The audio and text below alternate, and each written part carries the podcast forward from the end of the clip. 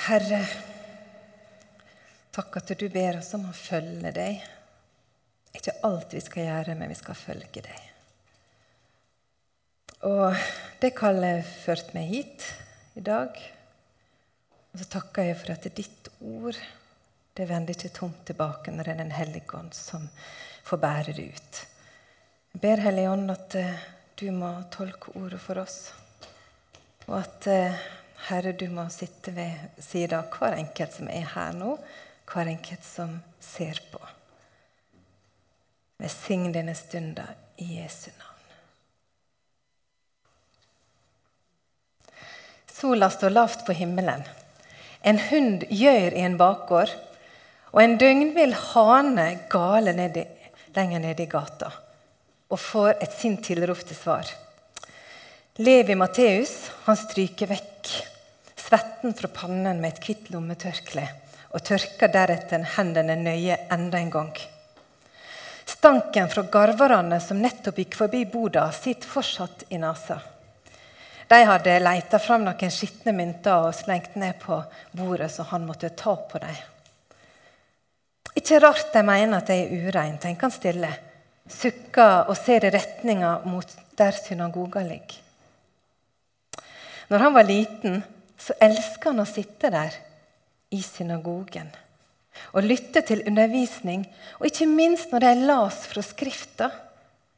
Og mens kameratene vrei på seg for å kunne komme fort nok, de kunne ikke komme seg fort nok ut igjen og leke, så elska han å sitte der. Det var som om alt han las, og hørte, bare festet seg i minnet.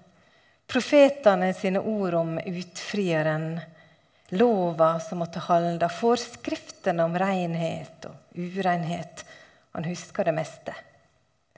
Følg lova, hadde pappa sagt stolt når han gikk hjemover etterpå. Husk alt som du har lært, ja, da skal du bli noe stort, gutten min. Tja, stort og stort. Rik hadde han iallfall blitt om det var noe. Det hadde virka så greit å tjene under distriktskongen, sørge for tollinntektene og bruke den gode hukommelsen til noe som Ja, til å få det bedre. Og Kapernaum det var jo en viktig handelsby på veien via Maris mellom Syria og Makedonia. Og det er jo viktig, var ikke det? Men så mye bedre hadde det jo ikke blitt om man skulle være ærlig. Foreldra skamma seg over han, så ned når de gikk forbi boda hans. Kom aldri på besøk lenger, selv om det nye huset hans var jo helt fantastisk, om han skulle si det sjøl. Gamle klassekamerater enten spytta i bakken ved føttene hans, eller smiska overdrevet for å slippe å få ekstra høy tollsats neste gang de kom forbi. Fariseere og skriftlærde gikk i stor bue redde for å sjøl bli skitna til av hans omgang med hedninger, gjetere, garvere, romere. I det siste så hadde det skjedd masse i Kapernaum. Og med 1500 innbyggere så var ikke det akkurat hemmelig, det som skjedde. Nei, folk snakka og diskuterte og prøvde å forstå mannen som hadde slått seg ned der og begynt å tale. Og det med en sånn autoritet. Levi ler litt med tanken på det som skjedde for noen dager siden, da brødrene Simon og Andreas og fiskerkollegaene kom med all den fiskefangsten som skulle fortelles. Og I munnen på hverandre så hadde de fortalt at det var han der Jesus fra Nasaret som hadde bedt dem om å kaste nota på andre sida, da de ikke hadde fått fisk hele natta. Hm. Andre sida? Og Simon han var visst ikke fisker lenger heller. Han skulle begynne å fiske mennesker, hva det enn betyr. Han hadde visst sagt 'følg meg', fortalte Simon, og hadde ledd når han sa det og dulta bror sin i sida. Men øynene de hadde vitna om en ny mening og misjon for livet enn det å fiske fisk. Her fra tollboda har Levi Matteus god oversikt over det som skjer fra byporten og langt innover i gata. Og Plassen der den, tom, den lamme tiggeren bruker å ligge, den er tom. Stakkars syndige mann, tenker han. og ser tilfeldig at skåla for pengealmisser står igjen der på bakken. Også hos han går de duskepryda religiøse reine forbi. Det var visst noe med at kanskje noen i familien hadde synda. Og nå var det den stakkars krøplingen som måtte betale prisen. Ikke det at han hadde tjuvlytta, altså, men gatene ga liksom gjenklang av stemmene til de ivrige vennene hans, som baud han, nei, nøda han om å la dem få lov til å bære han til Jesus. Nei, det er ikke vits, hadde han hørt mannen si. Ingen har noen gang kunnet hjelpe meg. La meg få ligge her. Jeg går glipp av viktige personer å tigge fra. Mange skal jo rekke inn byporten før den stenger for natta. Men nei, de fire vennene nekta å la han være. Du skal til Jesus, sa den ene, mens han tok tak i båra som de hadde stilt opp langs veggen om morgenen. Jesus kan gjøre under. Han er vårt siste håp. Vi kan ikke la det ligge her. Jesus, det var det navnet igjen. Med ett så hører han stemme, rop og latter som drar han ut av tankene og tilbake til tollerboda. En mann i fille springer rundt og roper 'Han tilga meg! Han tilga meg! Han gjorde meg frisk!' Plutselig kjenner han mannen igjen. Levi Matteus reiser seg ikke opp fra stolen, for arbeidsdagen er ikke over. Han kan ikke. Men han ser mannen som hver dag hele hans karriere har sittet og tigga penger fra de samme som han sjøl hadde krevd toll ifra. Og nå, Vennene springer rundt han, de ler, de kjenner på musklene når han løfter opp beina for at de skal se. De føttene som sist bare hadde vært to tynne, ubrukelige utvekster av skinn og bein. Mange kommer nå ut gjennom smuget fra den smale gata lenger ute og forbi tollboda. Han hører ord som Gud, utrolig, mirakel. Og han ser noen skriftlærde som sint spytter ordene bare Gud kan tilgi. Og uhørt. Midt i alt ståket og larmen som med ett fyller lufta, alle ropa av glede og forvirring, ser han han. Jesus. Han går rolig mot Eller går han forbi? Tollboda. Et barn kommer bort og dulter i sida på han. Han blir ikke sint, bare ler og dulter kjærlig tilbake før han stryker jenta på håret og går videre. Som om blikket er festa på noe bak Levi Matteus. Eller er det på han? Når han kommer nærmere, så ser Levi Matteus at Jesus ser han rett i øynene. Og Matteus han viker blikket et øyeblikk, for han er egentlig ikke vant til at noen ser han i øynene. Handa holder fortsatt rundt det hvite lommetørkleet, som har flekker av dagens gjerning. Jesus fra Nasaret stopper opp. Simon og Andreas og det andre som går med, han stopper litt forvirra og drar litt i mesteren og sier men vi har jo ingenting å fortolle. Men Jesus ser på Levi Matteus. Jesus ser. Så sprekker hele ansiktet opp i et stort smil.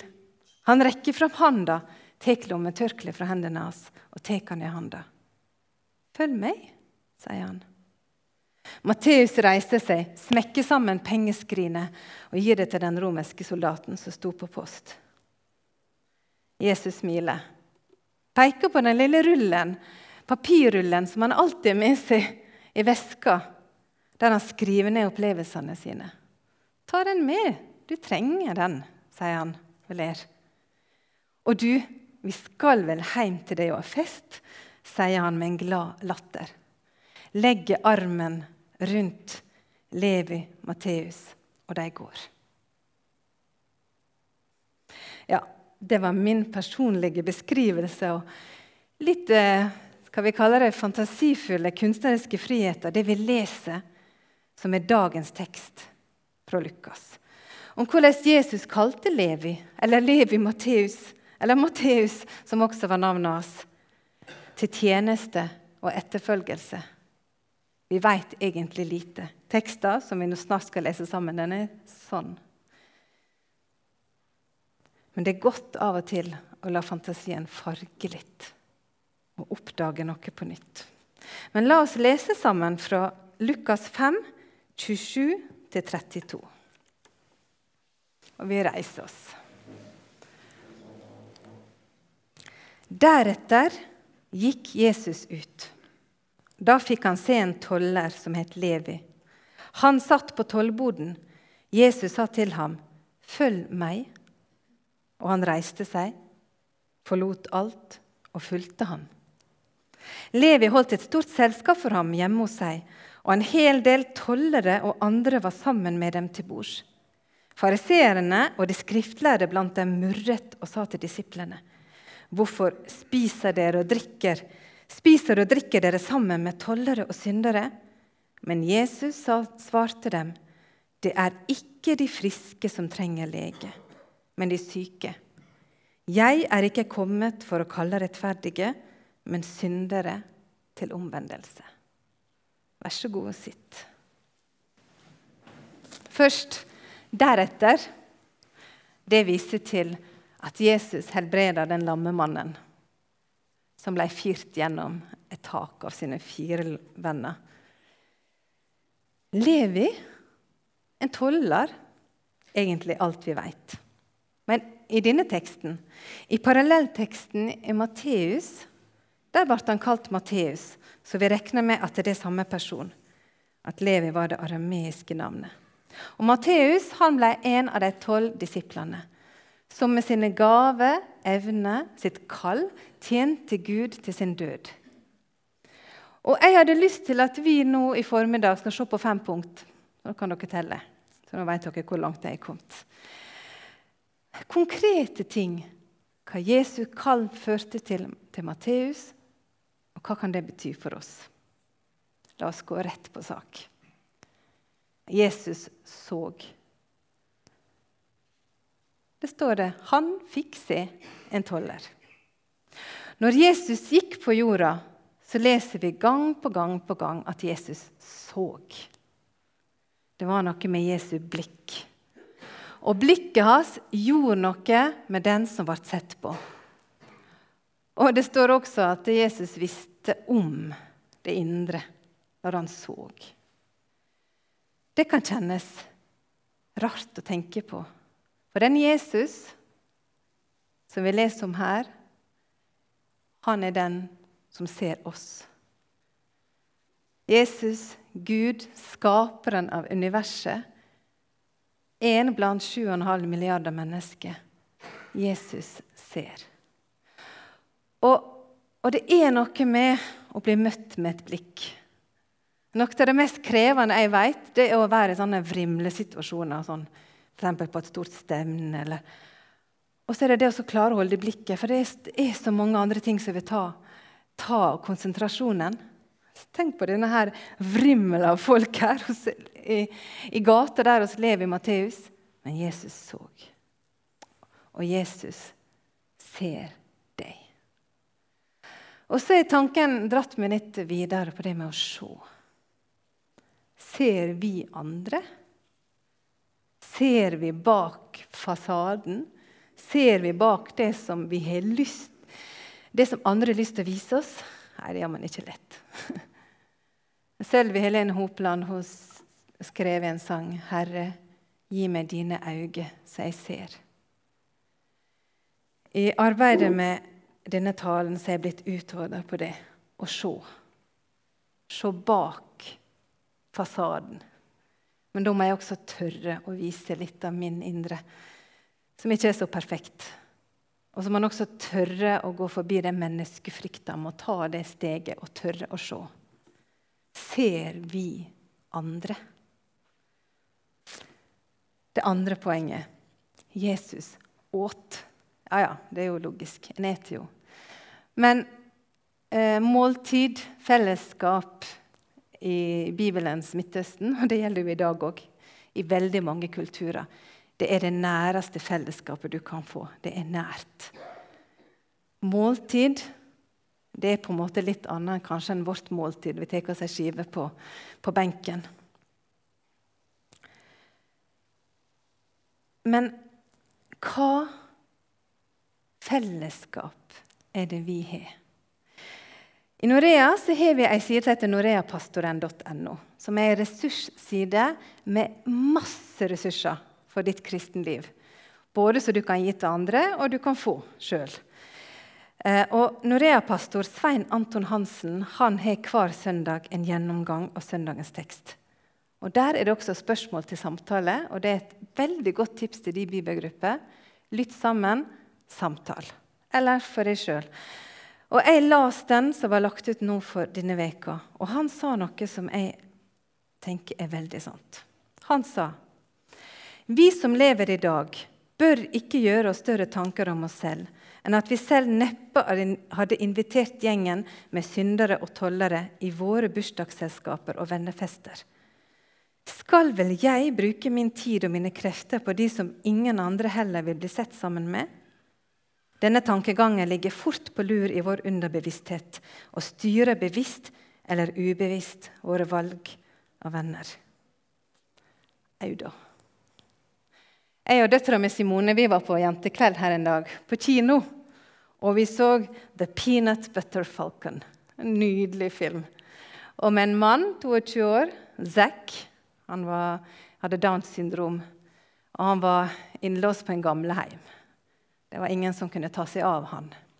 Og Hans største drøm det var å bli fribryter.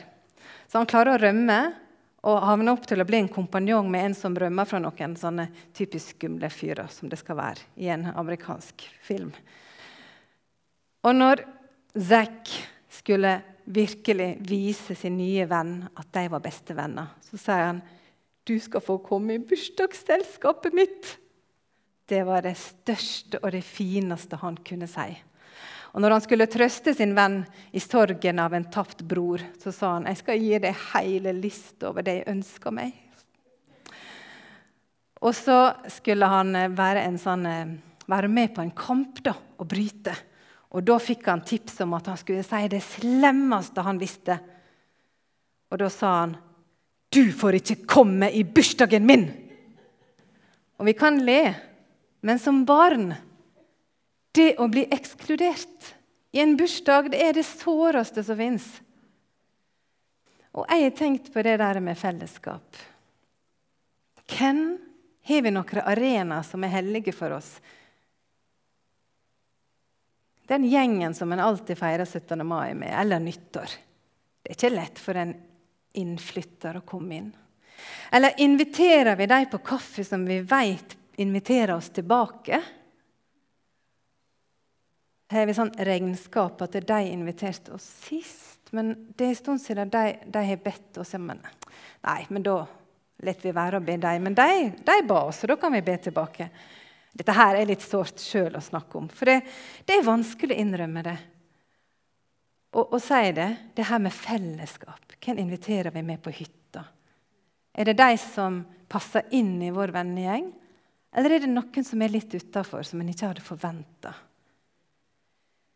Jeg brukte mange år etter vi flytta opp i Birkenes til å være flau over liksom, Jeg var ikke så god til å lage mat, eller var ikke så fint. Kan jeg invitere?